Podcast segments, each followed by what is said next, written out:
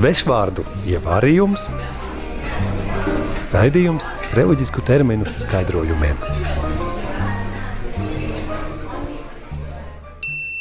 Šodienas burts ir Burts, g, genufleksija. No latīņu vārda genufleksio - ceļu locīšana. Genufleksija - goda atdošanas žests, nometoties uz viena ceļa, īpaši visvētā sakramenta priekšā. Un tagad neliela iedziļināšanās.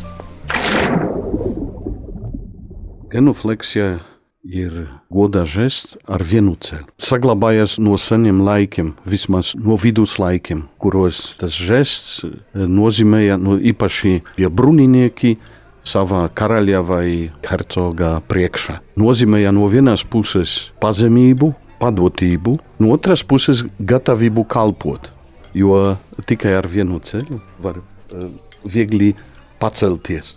Tas žests saglabājies liturgijā arī kā padotības un gatavības žests, kuru dara cilvēki īpaši visvētākā sakramenta priekšā. Parasti tādu žestu dara cilvēki, kuri nāk uz baznīcu vai iziet no baznīcas. Un tas žests kādā veidā ir eh, gods visvētākajam sakramentam, sākumā vai no lūkšanas beigās. Genofleksija atšķiras no ceļos nomešanās. Ceļos nomešanās ir tad, kad mēs nometamies uz ceļiem, uz abiem ceļiem, lūdzoties Dievu. Bet genufleksija ir nomešanās uz viena ceļa, kad mēs pagodinam altāri, tabernākulā, sak visvētāko sakramentu. Genufleksija, svešvārds, tas ir nomešanās uz viena ceļa. Atšķirībā no ceļos mešanās, tā nozīmē, ka tad, kad mēs šķērs, šķērsojam baznīcu, ejam no vienas puses uz otru, tad mēs tā, nometamies uz viena ceļa, veicam šo genufleksiju, lai pagodinātu visvētāko sakramentu. Tas arī ir tāpēc, ka tas ir process, mēs ejam un neaizskavētu visu liturģisko darbību. Bet tad, kad mēs ienākam baznīcā, mēs gribam pagodināt Dievu, jau tā nopietnāk, mazliet ilgstošāk, un tādēļ mēs nometamies uz abiem ceļiem. Ja mēs um, ejam lasīt lasījumus, lektora funkciju pildot, tad mēs varam palocīties tikai altāra priekšā, tā dziļāk palocīties, atdotot godu.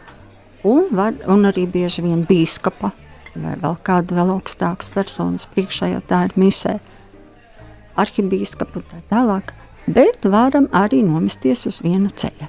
Ceļos mešanās jaunajā derībā pat ir 59 reizes minēta. Arī svētais Stefans ir uz ceļiem bijis, kad to nomētāja ar akmeņiem.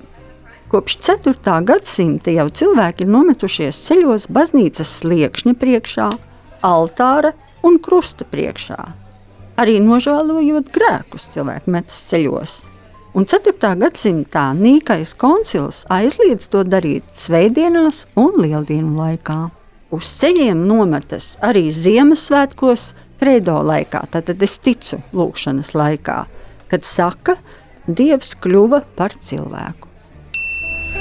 Un tagad iesaistīsim šo vārdu teikumā. Nē, nu, tas ir normāli. Tas ir normāli, ka dažreiz nevar tā līdz galam taisni nostāvēt. Jums vienkārši ceļgalā ir šī genufleksija. Padzersiet glukozamīnu, pēc divām nedēļām tad atnāciet atkal paskatīsim. Svešvārdu ievārījums, raidījums reliģisku terminu skaidrojumiem.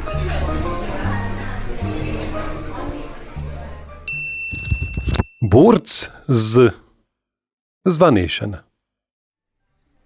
Tas gan nav svešs vārds, bet tomēr nodefinēsim zvanīšanu dievkalpojuma laikā. Tātad zvanīšana dievkalpojuma laikā ir liturģiskā darbība, ko izmanto ticīgo uzmanības pievēršanai kādam konkrētam dievkalpojuma momentam. Piemēram, konsekrācijas laikā. To izmanto arī kā ticīgo kopienas, jūtu, prieka vai sēru izpausmes veidu un no lielās ceturtdienas vakara, piemēram, līdz lieldienu vigīlijai, zvani, kā arī ērģeles, netiek lietotas.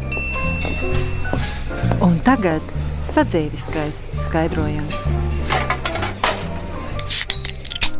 manā jaunībā, kad es biju ministrants, zvanīšana bija vissvarīgākā funkcija. Ne visiem drīkst bija zvanīt, tikai tiem lielākiem eh, ministrantiem. Bet bija tādi zvani, kuriem drīkst bija tikai zakristiāna. Lielo zvanu izmantoja tikai zakristiāns. Ir dažādi zvani, baznīca.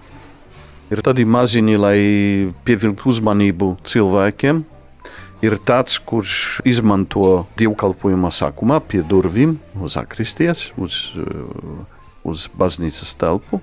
Ir tie zvani, kādreiz arī gongi, kuri izmanto dievkalpojuma laikā.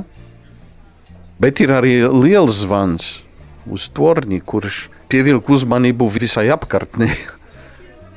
Un to varēja izmantot tikai zakristians.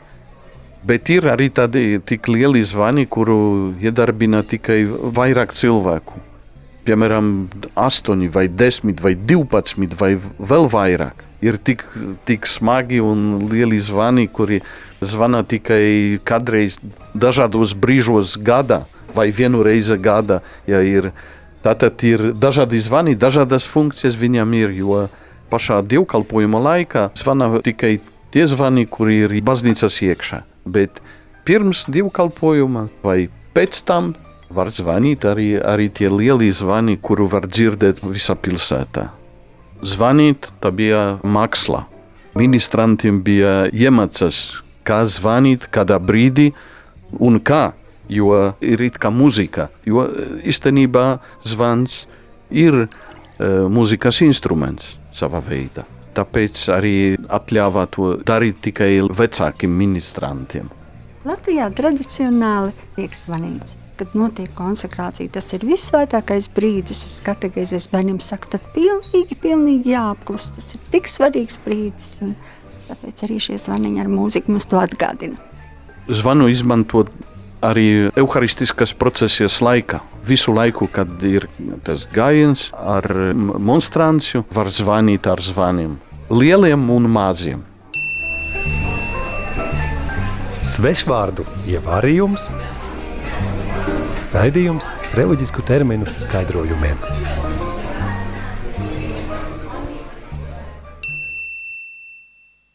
Jēdzienu skaidrojošo vārnīcu vietnē katolis.lv veido māsas kalpones Ginta un Inese, kā arī jezuītu tēvs Tadeušs. Savukārt radioversija top stingrā viestura vizuļa uzraudzībā.